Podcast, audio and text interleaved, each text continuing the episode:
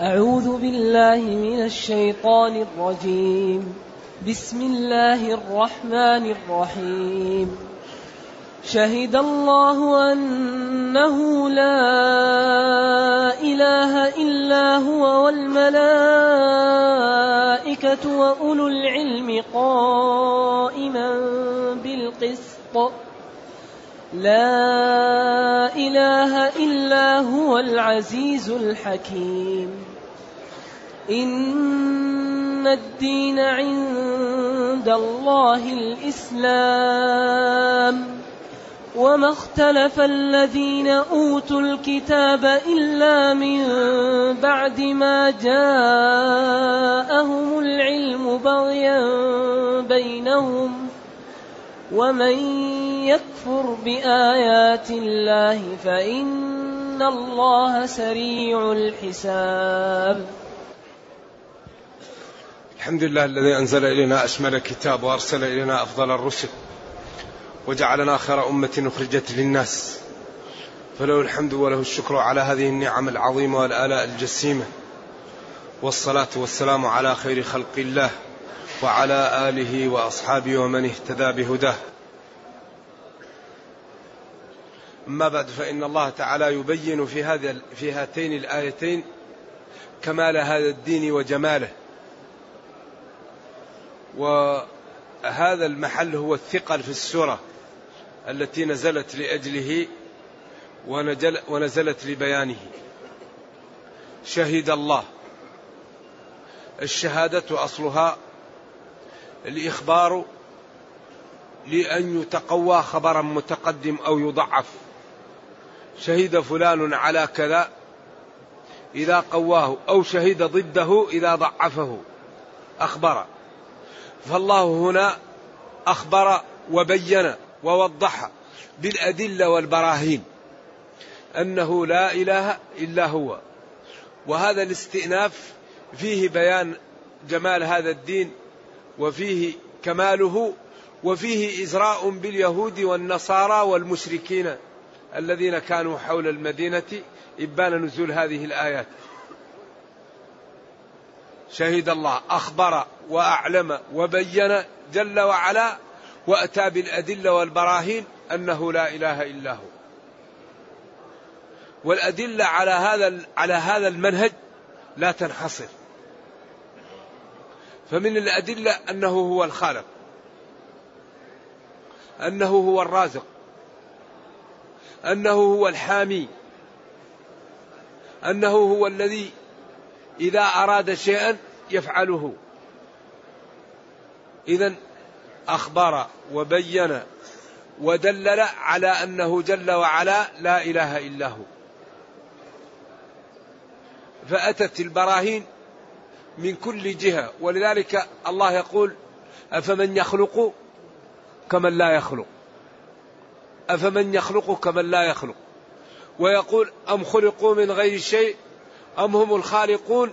أم خلقوا السماوات والأرض؟ كل ذلك لم يكن. إذا القوة اللي خلقتهم ينبغي أن يعبدوها ويمتثلوا أوامرها ويجتنبوا نواهيها. إذا ديننا دين قائم على أسس وقواعد ما هي قابلة إلا للتسليم. فحري بنا أن نعطيه الوقت؟ إذا أخبر جل وعلا وبين أنه لا إله إلا هو والملائكة وأولو العلم وأخبرت الملائكة بذلك فيما بينها وأخبر الملائكة من أرسلوا إليهم من الرسل بذلك وأخبرت الرسل وأولو العلم والمؤمنون بذلك أيضا. ولذا قالوا إن أفضل شيء يعطى الإنسان هو العلم. ولذلك يعني لم يقل من شيء قل رب زدني علما. ما قال زدني مالا ما زدني عقلا زدني علما. إذا أخبر الله جل وعلا وبين أنه هو المعبود بحق. لا إله إلا هو. لا معبود بحق سواه. وهذا الإخبار يظهر في كل شيء. وفي كل شيء له آية تدل على أنه واحد. الله الذي خلقكم ثم رزقكم ثم يميتكم ثم يحييكم. هل من شركائكم من يفعل من ذلكم من شيء؟ سبحانه وتعالى عما يشركون. لذلك يعني تكاد السماوات يتفطرن منه وتنشق الأرض وتخر الجبال ان دعوا للرحمن ولدا. وما ينبغي للرحمن أن يتخذ ولدا. إن كل من في السماوات والأرض إلا آتي الرحمن عبدا مطاع. لقد أحصاهم وكلهم آتيه يوم القيامة فردا. أدلة وبراهين وحجج. قواطع واضحة لا لبس فيها ولا خفاء لمن تأملها. اذا بين الله وأخبر ووضح وأتى بالأدلة على أنه هو المعبود بحق. والملائكة أيضا بينت ذلك وأخبرت به وتحدثت فيما بينها به. وأولو العلم أخبروا أيضا بذلك وأتوا به. لذلك لا يوجد شيء أنفس من العلم. لا يوجد شيء مثل العلم. العلم هو الذي يميز بين البدعة والسنة. العلم هو الذي يميز بين الرياء والإخلاص. العلم هو الذي يميز بين أن ترى النبي صلى الله عليه وسلم أو ترى الشيطان في النوم. العلم هو الذي يحميك من يأتوك شياطين الإنس والجن ويوحوا إليك حتى يفسدوا دينك. لأن شياطين الإنس يوسوسون وشياطين الجن يوسوسون. فإذا تساعد شياطين الإنس والجن على الإنسان أهلكوه. ولذلك قال يوحي بعضهم إلى بعض زخرف القول غرورا. وقال وإخوانهم يمدونهم في الغي ثم لا يقصرون. فالذي يحمي العلم. لذلك قال العلماء إن الكلب إذا علم تؤكل صيدته وما علمتم من الجوارح مكلبين. أي شيء تعلم ارتفع. والذي يهد الناس ويهد الشعوب ويدمرها الجهل. لأن الجهل يضعف العقل. وإذا ضعف العقل ضعف الإيمان. وإذا ضعف الإيمان هانت على العبد المعاصي وسهل وتكاسل عن العبادات فأوبق نفسه. كل شيء بالعلم القوة بالعلم الدين بالعلم الاقتصاد بالعلم الإدارة بالعلم كل شيء بالعلم. لا يوجد شيء أنفع من العلم. لذلك قالوا من فضل العلم أن الهدهد لما تعلم شيء من جغرافية اليمن. وتذكره نبي الله وملكه سليمان وهدده فلما جاء وقف أمام سليمان وقفة الشجاع ونسب الإحاطة لنفسه ونفاها عن سليمان. لأنه تعلم شيء من جغرافية اليمن. كان نبي الله وملكه سليمان عليه وعلى نبينا الصلاة والسلام يجهله. جزء من جغرافية اليمن. كان لا يعلمها سليمان.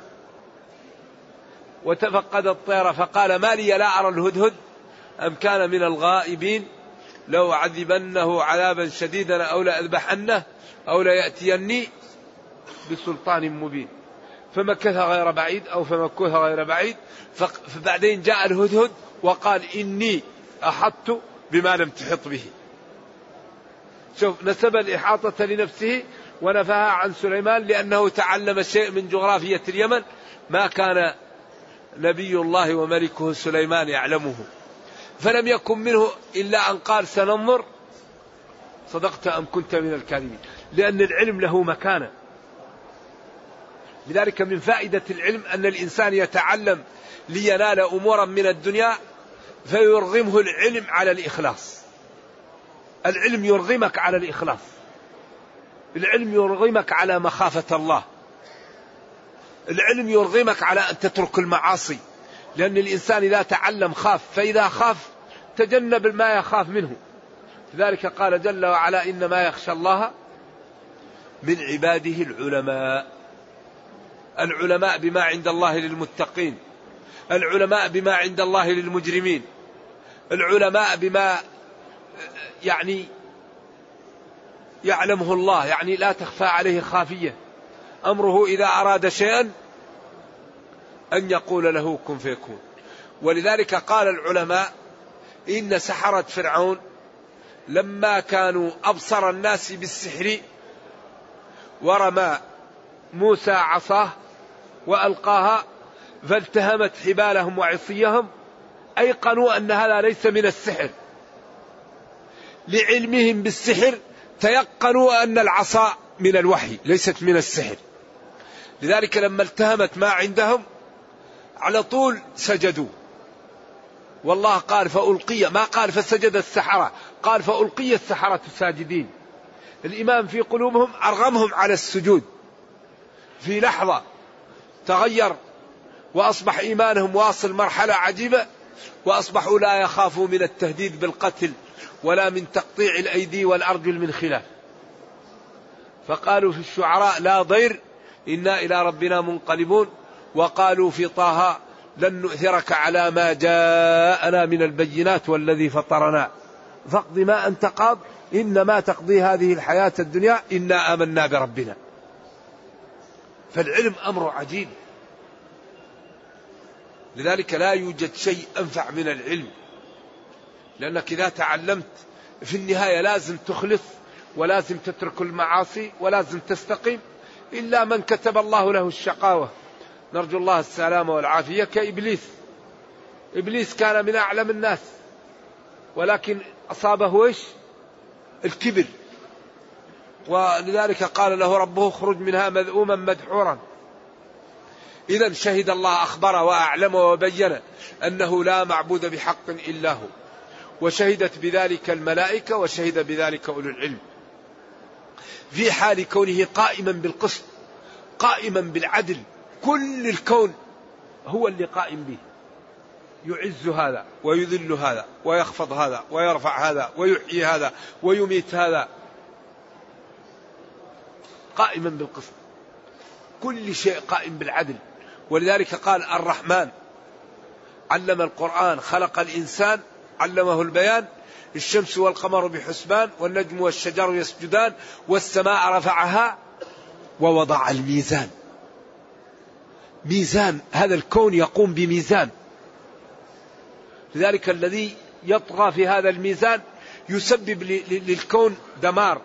إما بالطغيان في الميزان من ناحية الشرع أو الطغيان في الميزان من ناحية ما خلقه الله في الكون. لذلك الطغيان في الميزان الآن هو الذي يسبب ما لا الاحتباس الحراري. سبب الطغيان في الميزان تجمع الغازات الوقت يعمل حر تجمع أمور يطغى في الميزان فإذا أطغي في الميزان هذا سبب دمار. سواء كان الطغيان عن طريق الشرع أو عن طريق الكون والعادة التي خلق الله بها الكون. ذلك فيه ميزان. ووضع الميزان. فلذلك الطغيان في الميزان سواء كان في المعاصي أو في تغيير الكون هذا يسبب دمار لل... سبحان الله. قائما بالقسط لا إله إلا هو. إذا هذا فيه بيان وفيه رد العجز على الصدر لأن نفس هذا هو الكلام الأول. ألف لام ميم الله لا إله إلا هو الحي القيوم. ثم ذكر بعد الأمور ثم عاد لهذا بما هو أوضح وأقوى ليترسخ هذا في نفوس الناس ثم جاء الأمر الذي نزلت له السورة وكثير من السورة يعالج هذه القضية وهو قال إن الدين عند الله الإسلام إن هذه قراءة الجمهور ويمكن أن تكون شهد الله أنه لا إله إلا هو وتكون الجملة معترضة شهد الله أن الدين عنده الإسلام. وتكون جملة أنه لا إله إلا هو كأنها معترضة. أو تكون إن الدين عند الله الإسلام بدل اشتمال من أنه لا إله إلا هو. لأن الدين أعم من إيش؟ من لا إله إلا الله. فالدين فيه لا إله إلا الله وفيه غير لا إله إلا الله. أو يكون بدل كل من كل. إذا شهد الله أن الدين عنده الإسلام وهذا هو محط الرحل وهو الذي جاءت السورة لبيانه. يقال إن وفد نجران السيد والعاقب جاءوا فلما قال لهم النبي صلى الله عليه وسلم ادخلوا في الإسلام قالوا نحن في الإسلام قبل أن تبعث أنت. قال كذبتم لو كنتم في الإسلام لما قلتم إن عيسى إله وعبدتم الصليب. فجاءت هذه الآيات ترد عليهم. إن الدين عند الله الإسلام. ليس كما تقول اليهود عزير بن الله وليست كما تقول النصارى المسيح ابن الله. إذا هذه توطئة وبيان لثقل الذي نزلت له الآية إن الدين عند الله الإسلام. إن حرف توكيد ونصب. الدين الطريقة والمذهب. عند الله في شرعه وفي حكمه الإسلام. ولذلك لما جاء هذا الدين كل الشرائع الأخرى ناقصة. لم يأتي دين كامل مثل هذا الدين. ولذلك كان النبي يرسل لقومه يأتي النبي ومعه الرجل ويأتي النبي ومعه الرهط ولكن النبي صلى الله عليه وسلم أرسل إلى الناس كافة. أرسلناك للناس كافة. وأوحي إلي هذا القرآن لأنذركم به ومن بلغ. فهذا الدين دين عملاق الإسلام إذا إن الدين عند الله الإسلام. ولذلك الإسلام كامل. بين الضر يعني الضروريات. والحاجيات والتنظيميات والتحسينيات. فالجواهر الستة حاطها بالحفظ فحافظ على العقل وحافظ على النسب وحافظ على العرض وحافظ على المال وحافظ على الدين وحافظ النفس. الدين والنفس والعرض والنسب والمال والعقل. جواهر الست وبعض العلماء يقول الجواهر الخمس لأنه يجعل النسب والعرض شيء واحد والنسب لحال والحرض لحال. لأن النسب جاء فيه لأجله الرجم والزنا والعرض جاء فيه القذف فهما منفصلان. إذا كل هذه الجواهر الستة حاطها الإسلام بسياج من حديد. فجعل من بدل دينه فاقتلوه. وجعل من تعرض لإنسان بفقد العقل فتلزمه الدية كاملة.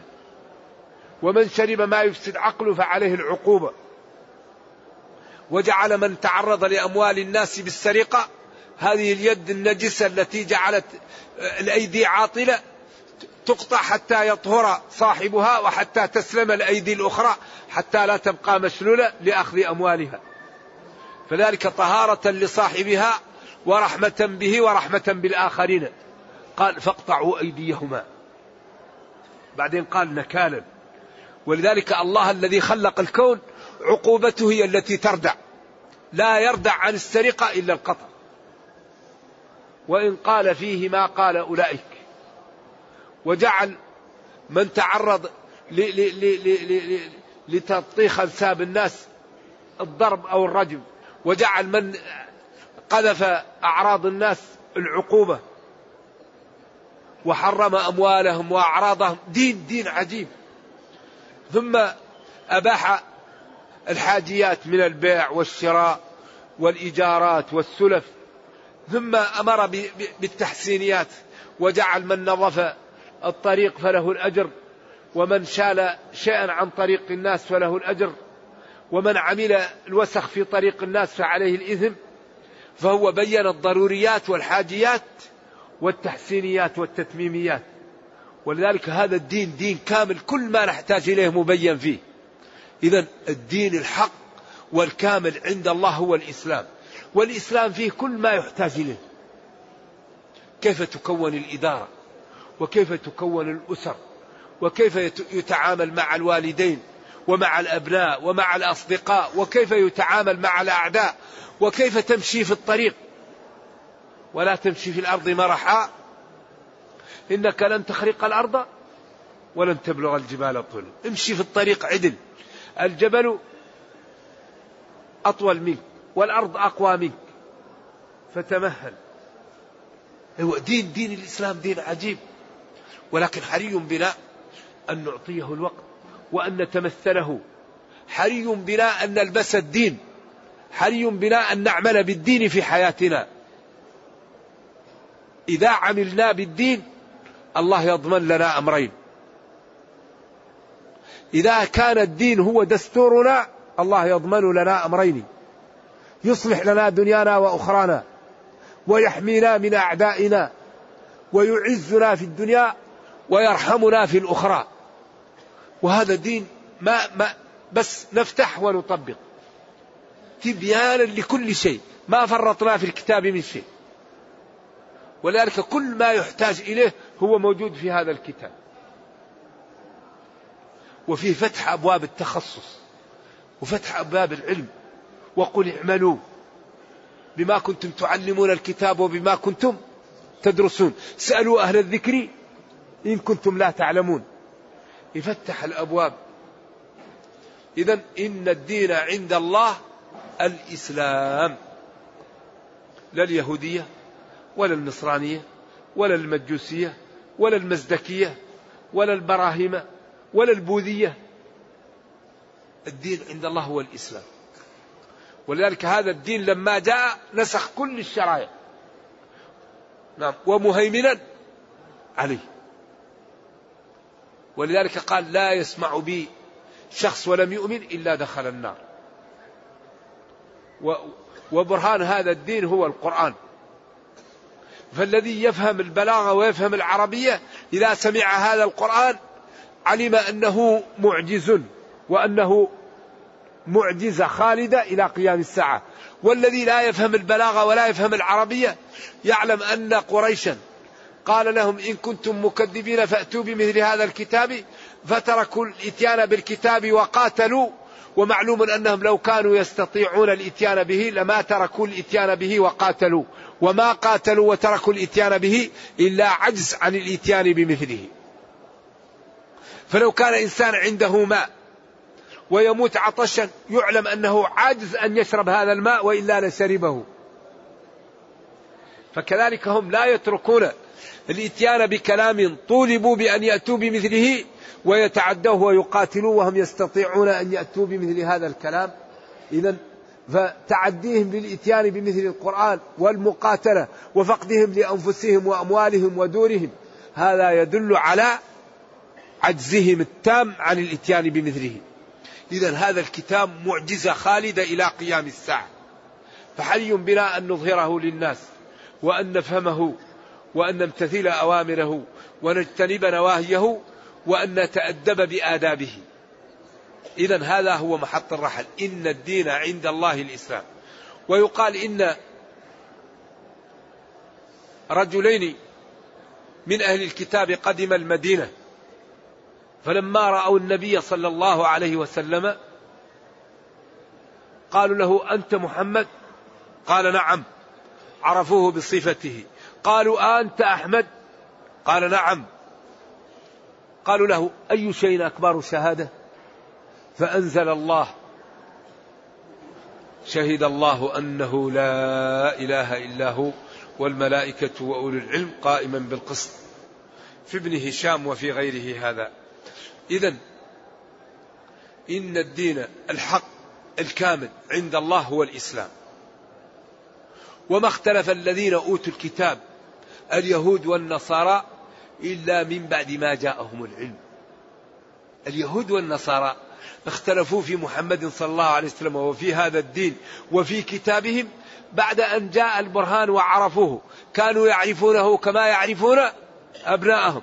وكانوا يستنصرون على الأوس والخزرج بحق هذا النبي الذي سيبعث.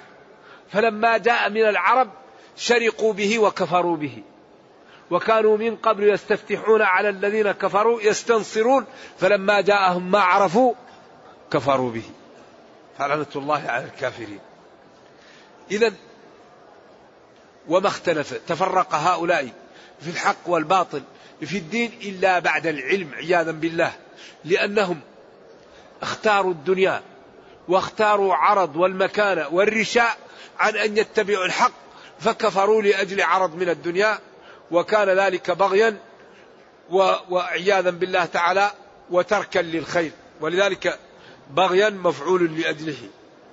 وما اختلف الذين أوتوا الكتاب من يهود ونصارى في هذا الدين إلا من بعد ما جاءهم العلم به في كتابهم وفي البراهين التي علموها فعلوا ذلك لأجل البغي ولأجل الحسد ولأجل محبة الدنيا وعدم المبالاة بالآخرة. بغيا بينهم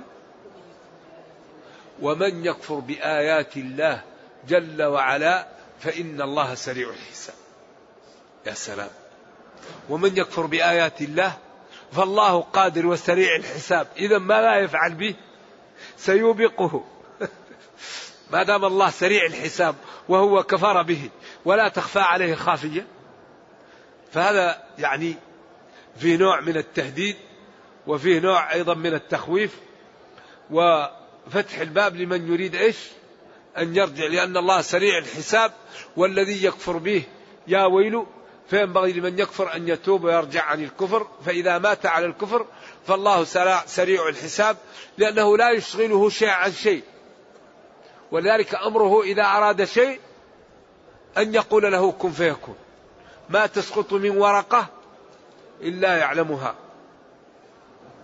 ونرجو الله جل وعلا أن يوفقنا وإياكم لما يحبه ويرضاه وأن يجعلنا جميعا من المتقين إنه خير مسؤول والقادر على ذلك.